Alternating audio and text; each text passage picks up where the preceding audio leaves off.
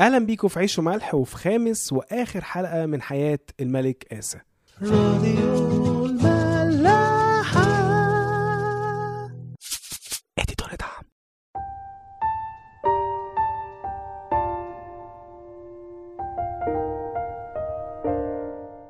آخر مرة شفنا إزاي الكتاب شهد لآسى إن قلبه كامل بالرغم من عدم كمال أعماله. زي ما بنشوف إنه مش بينزع المرتفعات ومش بس كده بيحصل موقف كمان إنه لما بتقوم حرب بينه وبين بعشة ملك مملكة إسرائيل مش بيروح لربنا زي ما عمل قبل كده أيام الكوشيين إنما راح لملك أرام واداله كل الذهب اللي هو كان حاطه في الخزاين بتاعة بيت الرب عشان يعني يتحالف معاه ضد بعشة. بس برضو ربنا ما بيسيبش آسى كده. وبعت له نبي اسمه حناني الرائي. وحناني آه، زي انتهره على اللي هو عمله ده وقال له كده في أخبار أيام تاني إصحاح 16 أعداد 7 ل 9 وفي ذلك الزمان جاء حناني الرائي إلى آسا ملك يهوذا وقال له من أجل أنك استندت على ملك أرام ولم تستند على الرب إلهك لذلك قد نجا جيش ملك أرام من يدك. ألم يكن الكوشيون واللوبيون جيشا كثيرا بمركبات وفرسان كثيرة جدا؟ فمن أجل أنك استندت على الرب دفعهم ليدك. لأن عيني الرب تجولان في كل الأرض ليتشدد مع الذين قلوبهم كاملة نحوه. فقد حمقت في هذا حتى أنه من الآن تكون عليك حروب. هيعمل إيه آسى بعد كده؟ هل هيتوب ويرجع ولا هيفضل على موقفه؟ خلونا نشوف.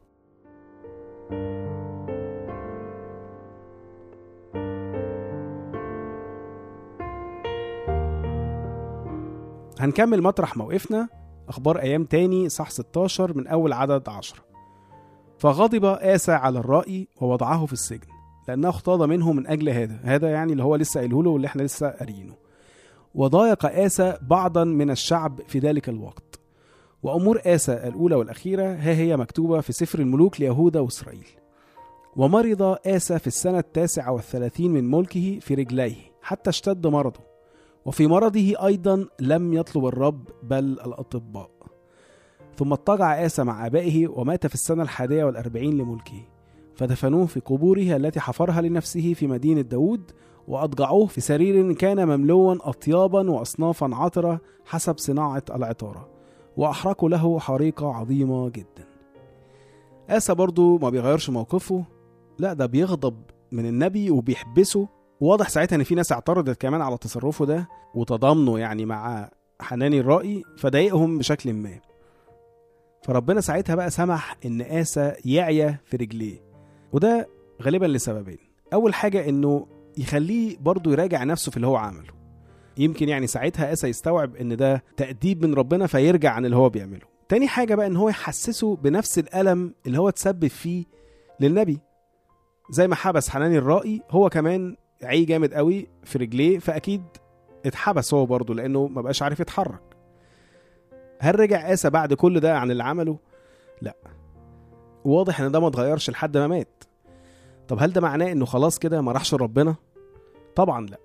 وإحنا كنا اتكلمنا في الموضوع ده كتير قوي آخر حلقة. شفنا إزاي الكتاب شهد لآسى إن قلبه كان كامل كل أيامه. غلط في آخر حياته؟ آه. ما تابش عن الخطية اللي عملها دي؟ آه برضه بس الحسابات دي برضو كلها مختلفة عند ربنا. لأن زي ما قلنا برضو آخر حلقة ربنا بيبص جوه كل اللي إحنا شايفينه ده. ورا التصرفات والأعمال والسلوك بيبص للقلب. هو ده اللي بيحدد فعلا أنت فين من ربنا. حتى لو حد في حكم الناس مش كويس أو خاطي أو سلوكه مش قد كده لازم نفتكر كويس قوي إن برضه مش الناس اللي هتدينه في الآخر. إنما ربنا هو اللي يعرف كويس قوي يقيم أي واحد بس على قلبه. هنسيب بقى الموضوع ده واللي حابب يعني يعرف أكتر عنه ممكن يسمع الحلقة اللي فاتت. هنروح بقى لحاجة متقالة في عدد 12 وغالبا لفتت نظرنا. إن يقول لنا إن آسف مرضه أيضا لم يطلب الرب بل الأطباء. كلمة تخلينا كلنا نفكر في كذا حاجة. أول حاجة إن واضح إنه هنا بيربط ما بين المرض وربنا. يعني إن المرض بيبقى من الطرق اللي ربنا بيستعملها عشان نطلبه وندور عليه أو عشان ربنا يوقفنا عن حاجة غلط بنعملها. حتى لو في الظاهر مفيش حاجة غلط بتتعمل إنما ساعات مجرد أسلوب الحياة كله ممكن يبقى غلط. فربنا يضطر يوقفنا بالشكل ده. فدايما لو حصل إن إحنا عيينا أو حصلت لنا أي إصابة من أي شكل واضطرينا نقعد في السرير لفترة معينة نعرف إن دي فرصة إننا نقعد أكتر مع ربنا أو نعيد نظرتنا في حياتنا أو في حاجة معينة عملناها في الفترة اللي فاتت. فعايزين دايما نبص للمرض على أساس إن هو فرصة مش عائق. والمرض ممكن يبقى تأديب بس هو مش عقاب. لأنه لو ربنا بيعاقب أي حد عنده خطية كان كل العالم ده بقى مرضى. وفي حالات تانية ممكن ما يبقالوش أي علاقة بحاجة إحنا عملناها. بالعكس ده ساعات بيبقى لزيادة إيماننا إحنا أو اللي حوالينا. في يوحنا تسعة يحكي لنا كده في أعداد واحد لثلاثة وفيما هو مجتاز اللي هو المسيح يعني رأى إنسانا أعمى منذ ولادته. فسأله تلاميذه قائلين يا معلم من أخطأ؟ هذا أم أبواه؟ حتى ولد أعمى. شوف هو دايما الواحد بيربط المرض أو أي حاجة غلط في الجسد إنه في خطية. فيسوع بقى رد وقال إيه؟ لا هذا أخطأ ولا أبواه لكن لتظهر أعمال الله فيه. يعني ممكن المرض يبقى سبب لإظهار مجد ربنا. فاللي إحنا بقى بنتكلم عليه دلوقتي واللي حصل مع عيسى ده من ضمن الأسباب اللي ممكن تخلينا نمرض أو نعيا. عشان بس مش كل حد يجيله برد يشك إن هو عامل باله. بس اللي لازم بقى نعرفه هنا إن مفيش أي حاجة بتحصل صدفة أو ربنا ملوش دعوة بيها. وحتى لو إحنا مؤمنين إن ربنا ليه دعوة بيها فهو أكيد مش بيعمل كده لتقديرنا أو تعزمنا وخلاص. إنما لسبب معين. والسبب ده ممكن يبقى زي ما قلنا بقى لفت نظر يبقى وقفة يبقى للتأديب أو للتطهير من خطية إحنا عملناها أو لمجد ربنا. والحاجة الوحيدة اللي تعرفنا السبب ده هو من خلال الصلاة. والروح القدس أكيد هيرشدنا للهدف من ورا المرض ده. راديو ملاحة.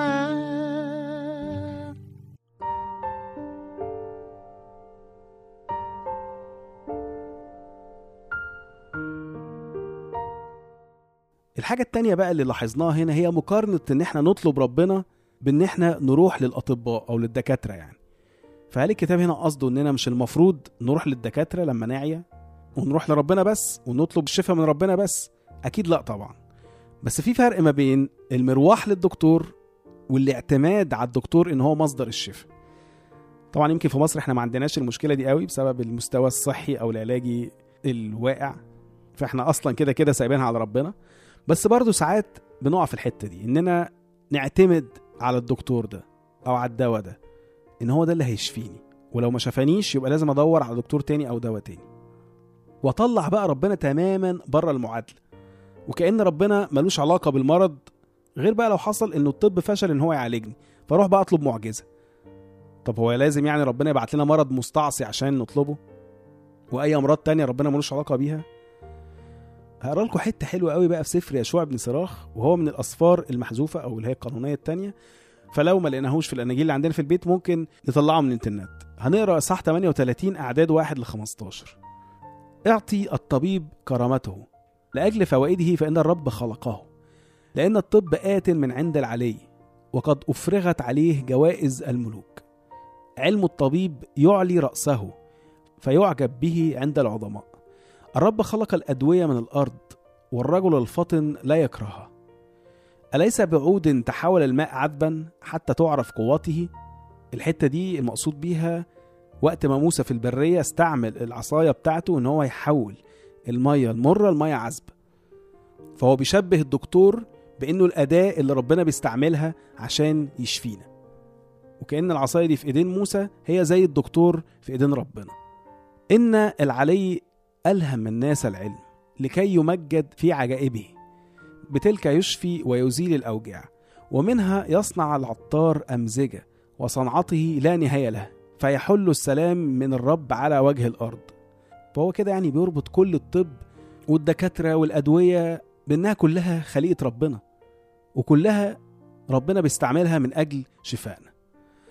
الحتة بقى اللي جاية هي بقى الرابطة ما بين المرض وما بين علاقتنا بربنا بيقول كده يا بني إذا مرضت فلا تتهاون. بل صلي إلى الرب فهو يشفيك. اقلع عن ذنوبك وقوم أعمالك ونقي قلبك من كل خطيئة. قرب رائحة مرضية وتذكار السميذ واستثمن التقدمة كأنك لست بكائن. كأنك لست بكائن يعني ما استخسرش التقدمة أو الذبيحة دي ربنا أيا كانت هي إيه وأقول لأ أنا أولى بيها أو مرضي أولى بالوقت أو بالفلوس أو بالحاجة اللي أنا هقدمها دي. بعد ده كله بقى يقول لنا ثم اجعل موضعا للطبيب. دور الدكتور يجي. فإن الرب خلقه ولا يفارقك فإنك تحتاج إليه. إن للأطباء وقتا فيه النجح على أيديهم لأنهم يتضرعون إلى الرب أن ينجح عنايتهم بالراحة والشفاء لاسترجاع العافية. ودي حتة برضو بقى للدكاترة إن هو يبقى عارف دايما إنه الشفاء بيجي من خلاله بيجي على إيده بس هو جاي أصلا من عند ربنا. فلازم هو يدخل ربنا في شغله عشان ربنا يبعت الشفاء من خلاله. وبعدين في الآخر خالص يقول كده من خطئ أمام صانعه فليقع في يدي الطبيب. وهي دي الرابطة الحقيقية ما بين الخطية والمرض إنه هو ما قالش إن كل اللي بيمرض يبقى عامل خطية إنما كل من أخطأ بيمرض أو بيعيا بأي شكل. إحنا برضو مفكر هو مرض ممكن يكون حاجة جسدية لا ممكن يكون حاجة نفسية كمان. فممكن بقى نضم في تفكيرنا انه لو حصل وعينا جسديا أو عينا نفسيا إن إحنا نعمل كل الحاجات اللي هو قال لنا عليها دي. كعادة السفر ده يشوع بن صراخ بيدينا السهل الممتنع. الكلام كله واضح مش محتاج تعليق كتير. هنركز بس بقى على الأعداد اللي هي من 9 ل 12 لأنها بتقول نفس الكلام أو بتكمل على اللي إحنا كنا لسه بنقوله من شوية. يشوع بن صراخ بيعد لنا كام حاجة نعملهم لما نعيا زي ما قلنا بقى بأي شكل. وقبل ما بيقول الكام حاجة دول بيحذرنا من إننا نتهاون عشان التهاون في الخطوات دي عامل بالظبط زي ما ممكن نتهاون في مرضنا عامة. ونقرر إحنا مش هنروح لدكاترة أو هنعيش على مسكنات فنفضل عايشين كتير قوي قوي قوي في المرض وإحنا مش عارفين هو جاي منين وهيمشي إمتى. فبيقول لنا بقى نعمل إيه؟ أول حاجة إن إحنا نصلي نصلي ربنا وهو هيشفينا. خلاص ده أمر مفروغ منه. هنتشفي. ولو سيبنا ربنا يشتغل بسلاسة جوانا المرض ده دوره هيخلص وهيمشي. طيب أول حاجة بنصلي بعد كده هنبتدي بقى في الصلاة نلاحظ إن في خطية معينة أو ذنوب معينة جوانا فبيقول لنا إن أنا لازم أقلع عن ذنوبي لازم أبطل ذنوبي وأقوم أعمالي أظبط أعمالي أو حياتي كلها وأنقي قلبي من كل خطية بقى مسيطرة عليه. كل ده بيحصل من خلال قعدتنا مع ربنا في الوقت اللي إحنا عيانين فيه ده. فزي ما قلنا المرض بيبقى فرصة عشان آخد بالي من الحاجات دي كلها وأراجعها وأظبطها. في رسالة يعقوب 5 أعداد 14 ل 16 يقول كده أمريض أحد بينكم فليدعوا شيوخ الكنيسة فيصلوا عليه ويدهنوه بالزيت باسم الرب. وصلاة الإيمان تشفي المريض والرب يقيمه. وإن كان قد فعل خطية تغفر له. شوفوا هنا برضو بيربط ما بين الخطية والمرض. وبعدين يكمل يقول كده اعترفوا بعضكم لبعض بالزلات وصلوا بعضكم لأجل بعض لكي تشفوا. يعني برضو حتى بيربط ما بين المرض والخطية إن إحنا نفضح الخطية بيننا وبين بعض ونصلي كلنا عشان بعض عشان المرض ده يتشال. وعلى فكرة ده اللي كان حصل مع أيوب في آخر السفر خالص لما ربنا شفاه وأصحابه هم اللي عيوا. فقال لهم إن هم لازم يروحوا لأيوب عشان يصلي لهم عشان المرض ده يروح منهم. وبعدين يقول في الآخر طلبة البار تقتدر كثيرا في فعلها. شوفوا إزاي إن دايما كل حاجة مربوطة ببعضها. مفيش حاجة بتحصل صدفة مفيش حاجة بتحصل في الجسد بس وملاش أي مردود روحي. كل حاجة مربطة في بعضها. نرجع بقى ليشوع بن صراخ. آخر حاجة بيقولها لنا إن إحنا نعملها إن أنا أدي تقدمة لربنا. أيا كانت التقدمة دي مادية أو معنوية الموضوع ده بيبقى في اتجاهين. أول اتجاه إنه ربنا بيكون بيفكرنا إننا محتاجين نديله تقدمة أو ذبيحة بشكل ثابت أو كنا بنعمل حاجة معينة وبطلنا نعملها أو نديها. فربنا بيفكرنا بيها. وده طبعا لفايدتنا إحنا. هو ربنا مش عايز مننا حاجة ولا هيزيد ولا هينقص بأي حاجة إحنا بنديها. الاتجاه التاني بقى هو إننا ندي حاجة مخصوصة للمرض ده بالذات. وطبعا دي مش هدايا يعني أو قرابين عشان خاطر الآلهة ترضى عننا زي ما ممكن يجي في دماغ ناس كتير. وخدوا بالكم كمان ده حتى مش نادر لأن النادر بيبقى فيه احتمالات. لو حصل كذا هعمل كذا. إنما هو ما قالش كده. هو أصلا من الأول قال إحنا صلينا فربنا هيشفينا. خلاص الموضوع ده انتهى. الفكرة بقى إن إحنا بنقدم التقدمة دي كشكر لربنا على الشفاء ده حتى لو هو لسه ما جاش. بس بإيماننا إحنا واثقين إنه الشفاء ده مسألة وقت. والحقيقة بقى كمان إن الشكر مش على الشفاء هو على حاجة أهم. هو على المرض أصلا. لأنه حتى لو كان المرض ده جسدي أو نفسي يعني إنما هو كان لشفائنا من أمراضنا الروحية. فطبيعي جدا إننا نشكر ربنا على عنايته بينا وإنه بيظبط فينا عشان نكون معاه. بعد كل ده بقى يشوع ابن صريخ يقول لنا إن إحنا نروح للطبيب للدكتور لأن ربنا مش ساحر وربنا بيحب يعمل شغله من خلال الناس مش لوحده. وزي ما كنا لسه قايلين إن زي ما عصا موسى هي السبب في تحويل الماء المرة العذبة الدكتور هو برضو إيد ربنا في شفائنا. يعني طبعا أتمنى إن محدش ياخد كل اللي قلناه ده على إنه لو دراع من ربنا وخلونا نفكر حتى لو دقيقة في الفكرة دي.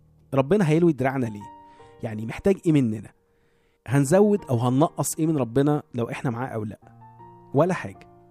ولو افترضنا إن هو عايزنا نحبه بالعافية.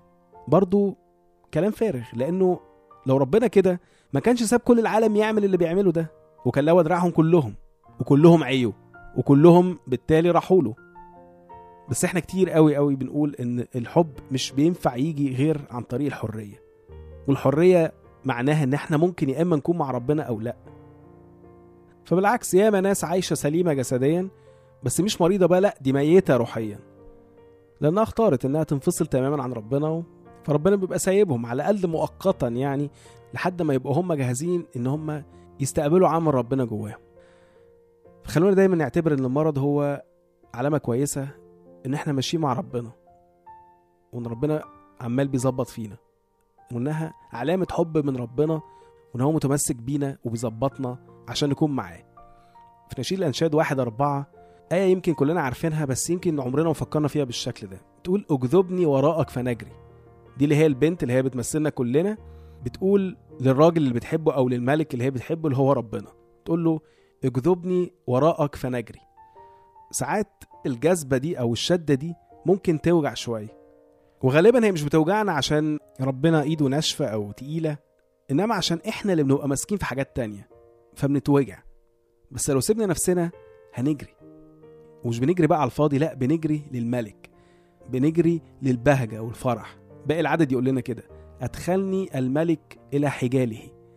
نبتهج ونفرح بك. نذكر حبك أكثر من الخمر. بالحق يحبونك. لما تعيا افرح لأن ده معناه إن ربنا بيشفيك روحيا.